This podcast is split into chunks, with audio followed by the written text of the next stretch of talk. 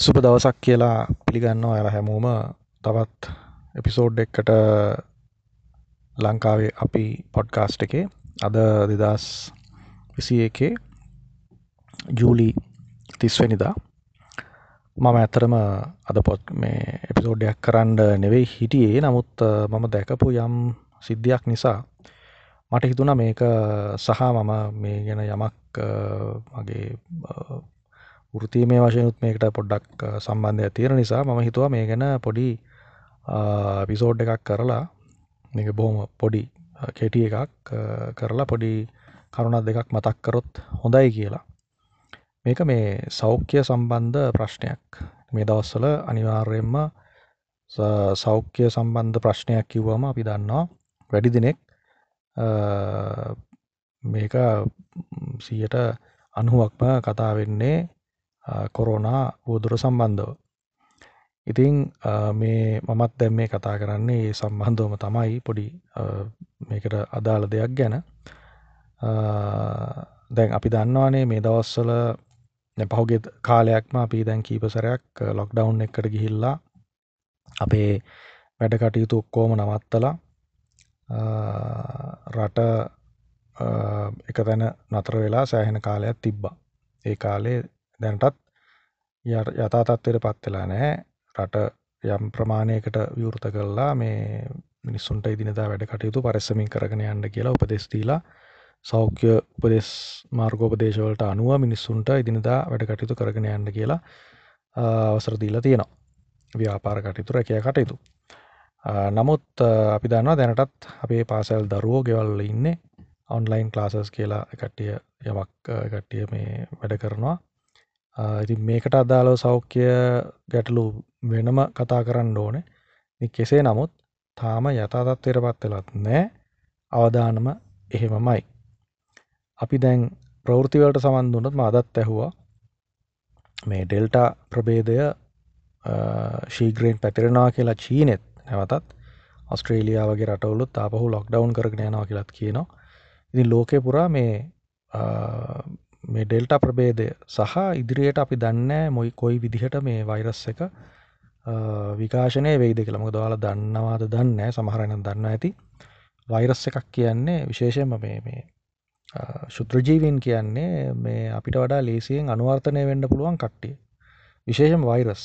එයාලා මේ යාලගේ DNA ආරෙන්නේ තියනේවා බොහොම ලේසියෙන් විකාශනය වෙන්න පුළා අනුවර්තනය වෙන්න පුළුව වෙනස් කරගෙන පරිසර තත්ත්වවලට අලුත් පරිසර තත්ත්වයන් වලට ඔරොත්තු දීමේ හැකියාවක් ඇති අලුත් ජනිතයන් අලුත් ප්‍රබේද නිපදවීමේ හැකියාවක් එයාලට තියෙනවා. එක යාලගේ පරිනාමය පරිනාමීය සාධකයක්. ඇලගේ වාසීර තින දෙයක්. ඉතින් ඒක මේ කොරෝණ වෛරස්සගෙත් තියෙනවා. ඉතින් නැවත නැවත එකට්ටිය විටිං විට රැල් රැලි විදිහට එන්ඩ පුළුවන්. එක ඕනම් වෛරස් එකක් හැටි. ඉතිං මේක භයානක. ඒ අලුතෙන් අලුතෙන් එන ප්‍රබේදවල විශේෂත්වය වෙන්නේ කට්ටිය රෙසිස්ටන්ට එනවා කියන්නේ කලින් ප්‍රබේදවලට වඩා ප්‍රතිකා ප්‍රතිජීවකවලට එමනත්තං වැක්සීන්ස් වලට රෙසිස්ටන්ට වෙන්ට පුළුවන්. අපි හරිටම දැන්න නමුත් එක පරික්ෂණ මට්ටමෙන දැන් අලුත් වැක්සින් අපිට දීලා එක අවුරදු ගනම් පරීක්ෂණ පාත්තල නෑ නතාම ති මේකට කොයි විදිහට මේ කට්ටිය මේ ප්‍රතිරෝධය දක්වයිද කියලා අපි දන්නේ නෑ ඉතින් අපිට මේක අතෙන් අල්ල නවත්තන්න බෑ. මේක සාමාන්‍ය ජයව පරිනාමයයි ඔය ශුද්‍රජීවීන්ගේ හැසිරීම් රටාවයි සාමාන්‍යය තියෙන දෙයක්. ඉතින් අපිට මොකද කරන්න පුළුවන්? අපි වෛද්‍යමය වශයෙන් මේ කට්ටියට පුළුවන් මේ වැක්සීන්ස් එන්නත් නිපදවන්න පුළුවන්. ප්‍රතිරෝධයක් දක්වන දක්වනවනන් දැනට තියෙන අලුත් එන්නත් නිපදවන්න පුළුවන්. ඒව නැවත දෙන්න පුළුවන්. ඉතින් තව සමහරලාට ඇන්ටිවයිරල් කැන පයිරස්වල්ට විරුද්ධෝ වැඩ කරන බෙහෙත් අලුත් ඒව නිපදවන්ඩිට තියෙනවා. මේ වගේ නොයකුදවල් මිට අමතරව සත්වයන්ගේ මිනිසාගේ තියෙන ස්වභාවික මේ ප්‍රතිශක්ති කරන පද්ධතිය ඔස්සේ මේක ක්‍රමාණුකෝලව ප්‍රතිශක්තිකරණය ඇති වෙලා මේ රෝගය තුරන් වෙලා යන්නත් පුළුවන් ඉතිං කෙසේ නමුත් දැනට අපිට පේන විදිහට දැන් මේ වාර්තා වෙන විදිහට ඩෙල්ටා ප්‍රබේදයේ පැතිරීමක් තියෙනවා. සහ දැනටත් අපේ අනිත් මෙහි තිබ්බ ප්‍රබේදත් තාම සක්‍රියයි. ඉතිං මට මම දැක්ක දෙයක් තමයි ම මේ අද අද විතරන්නේ මේ පහුගේ දවස්ටිකේ මන් දැක්ක දෙයක් තමයි මං ඔය අපි ටවුන් එකට අපි මේ සිටියකට යනවාන අපි එලියට යනවානම් ගිහිල්ලා අපි අපේ කටයුතු යෙදෙනකොට මන්ටිකක් බලනවා මිනිස්සු කොහොමද මේ මේක දැන් මේකට කොහොමද ප්‍රතිචාර දක්වන්න මේ කොරෝනා වුවදුරට කියලා. එතකොට මන් දකින දෙයක් තමයි මේ මාස්ක එක දැන් ටිකක් ආපෝ කට්ටියගේ නහයෙන් පහලට ඇවිල්ල තියෙනවා. ඊළඟට මිනිස්සු ටිකක් අතට අතදීම ටිකක් අතපත ගෑම අපහෝ පටන් ඇරන් තියෙනවා. සමාජ දුරස්ථ භාවය කියන එක ටිකක් අඩු වෙලා තිනද අපි කඩේකට ගිහාම මේ කලින්න්න තිබ මීටරේ මීටර් දෙක එහෙම පවත්ව ගන්නවානේ. දැන් ඒක නෑ. දැන් ආපහු අර ටිකක් එකට රංචු ගැහැන ඇලෙන ගතිය තියෙනවා. ඊළඟට බැලුවොත් සමහර ආයතනවල දැන් අර පොතක් තියෙනවනේ ලියන්න. ඇතුළට යන කෙනාගේ ලියන්නේ මේ කට්ටියගේ තොරතුරු අරගෙන මොනවත් කරන්න නෙවෙයිනේ ඒ ලියන්නේ තමා එතන ඒ ආයතනයේ ඒ වෙලාවේ කොරෝනා රෝගියෙක් වාර්තා වුණොත් නිරෝධායන කටයුතු සඳහා එතෙන්ට ඒ වෙලාවේ ආපු කට්ටිය හොයලා බලලා ඒ කට්ටිය දැනුවත් කරන්න. ඒකට මේ රෝගේ තවදුරටත් පැතිරීම තමන්ගේ පවුලේ කට්ටියට යන්න අනිත් සමීපතමයන්ට යන්න නොදී මේ කට්ටිය නිරෝධායනයට යොමු කරන්න පුළුවන්. ඉතින් ඒක කරන්න දැන් මිනිස්සු යොමු වෙන්නෙත් නෑ. ඒ ආයතන වලින් අනුබල දෙන්නෙත් ඒක උනන්දු කරන්නෙත් නෑ. ඒක නිකන් නොදැක්කා වගේ තියෙනවා. පොත තියෙනවා පෑන තියෙනවා. සමහර හිතුණා එළියනවා. හිතුණා ලියන්නේ අනිත් එකක් තමයි අත හොදන්න දැන් හදලා තියෙනවා සමහර ආයතනවල ඇතුල් වෙනකොට සිංක් එක හදලා අත හොදන්න හදලා තියෙනවා.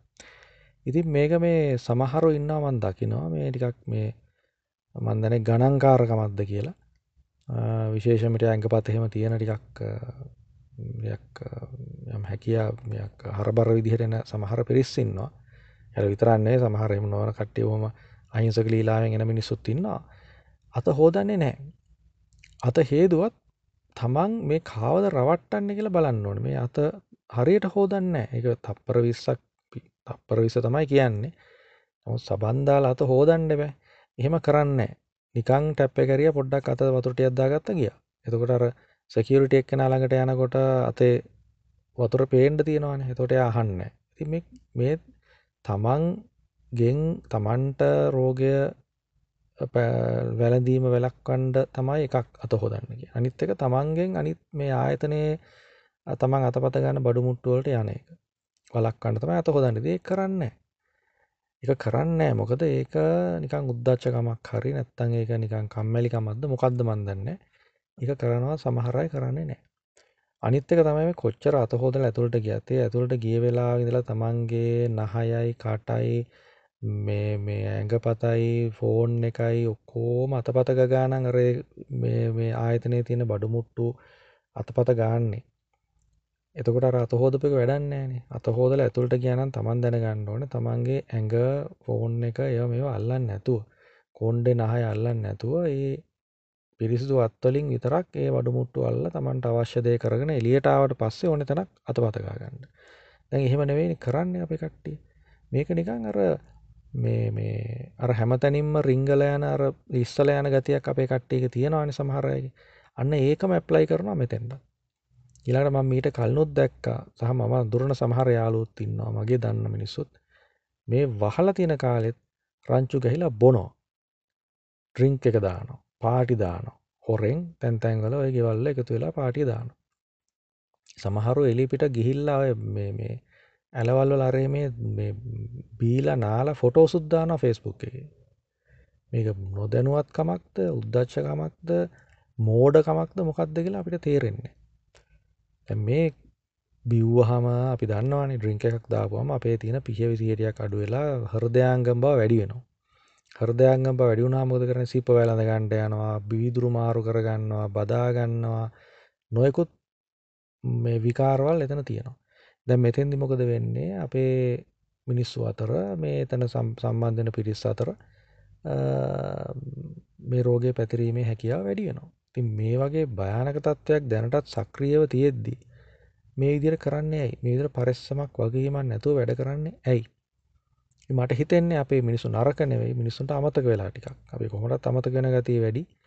ඒ නිසා වෙන්න ඇති මේ අමතක වීමක් නිසා තමයි මේ වෙලා සිද්ධිය වෙලා තියෙන්නේ.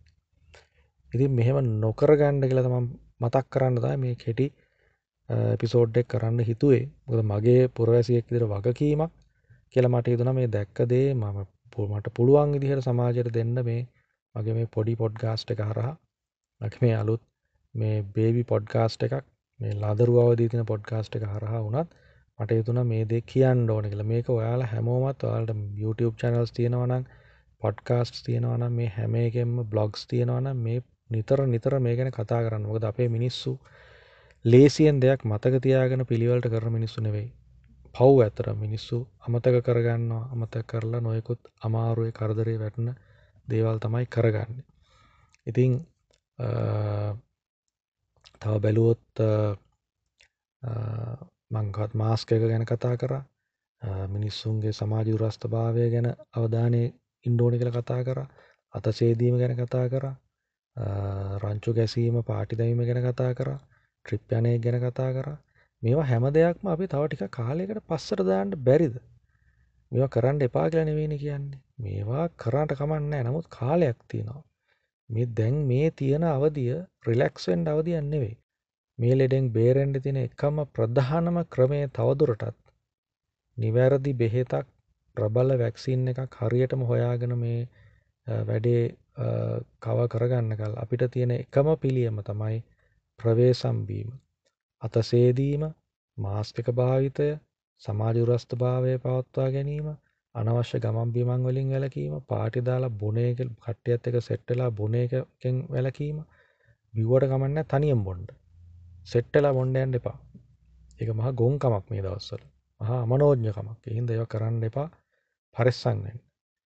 පුළුවන් තරම් ගෙදරට වෙලා ඉන්න සමාජ උරස්ත බය පවත්වා ගන්න රැකියාවට යනවා නම් ඒ බොහොම පරිස්සමින් ප්‍රවේශමෙන් සෞඛ්‍ය මාර්ගෝපදේශවලට අනුව ඒවා කරන්න දැන් වෙඩිංස් තියන්ට පාට් මෙයා තියන්ට අවසර දීලා තින ඒවා බොහොම ආර පරෙස්සමට බොහොම මාර්ගෝපදේශවලට අනුව පයි බලන දරයමයා බලනාදි කියලා බලන්න නැතුව තැ මළගෙවල්ලාය පටන් අරන්තින මේ වගේ ගිහිල්ලා රෑ නයිට ගහගෙන කැරම් ගහගෙන බූරුව ගහගෙන බීගන වැටිලා එතන ඉන්න ඇතුව ඒ බොහොම ඉක්මන්ට කලින් කරා වගේම පහෝදාම උමදාන මේ බෝධානය හරි ආදානය හරි කරන එක එක උපදෙස්වලට අනුව කරන්න ඊළඟට තමන්ට තියෙන රෝග ලක්ෂණ හංගන්න එපා. ඒවා ඇත්තටම ප්‍රකාශ කළා මේවට නිසි ප්‍රතිකාර නිසි පිළියම් යොදා ගන්න නිරෝධායනය වෙන්න වෙයි කියලා බය වෙන්නේ නැතුව තොරතුරු හංගන්න නැතුව කියන්න. ඉතින් මේ වගේ ගොඩක් දේවල් අපේ කට්ටියගෙන් දැන් ටික ටික ටික ටික අමතක වෙගෙන යනවා. ඉතින් මේවා නැවත මම මේ මතක් කරන්නේ ඔයාලගේට තියෙන කරුණාවෙන් අපිට තියෙන කරුණාවෙන් රටට තියෙන කරුණාවෙන්. ඒ හින්දා පරිස්සම් වෙන්න තවදුරටත් අපේ රට අපේ ජාතිය අපි බේරෙමු මේ කොරෝනා මාරයාගෙන් තවදුරටත්.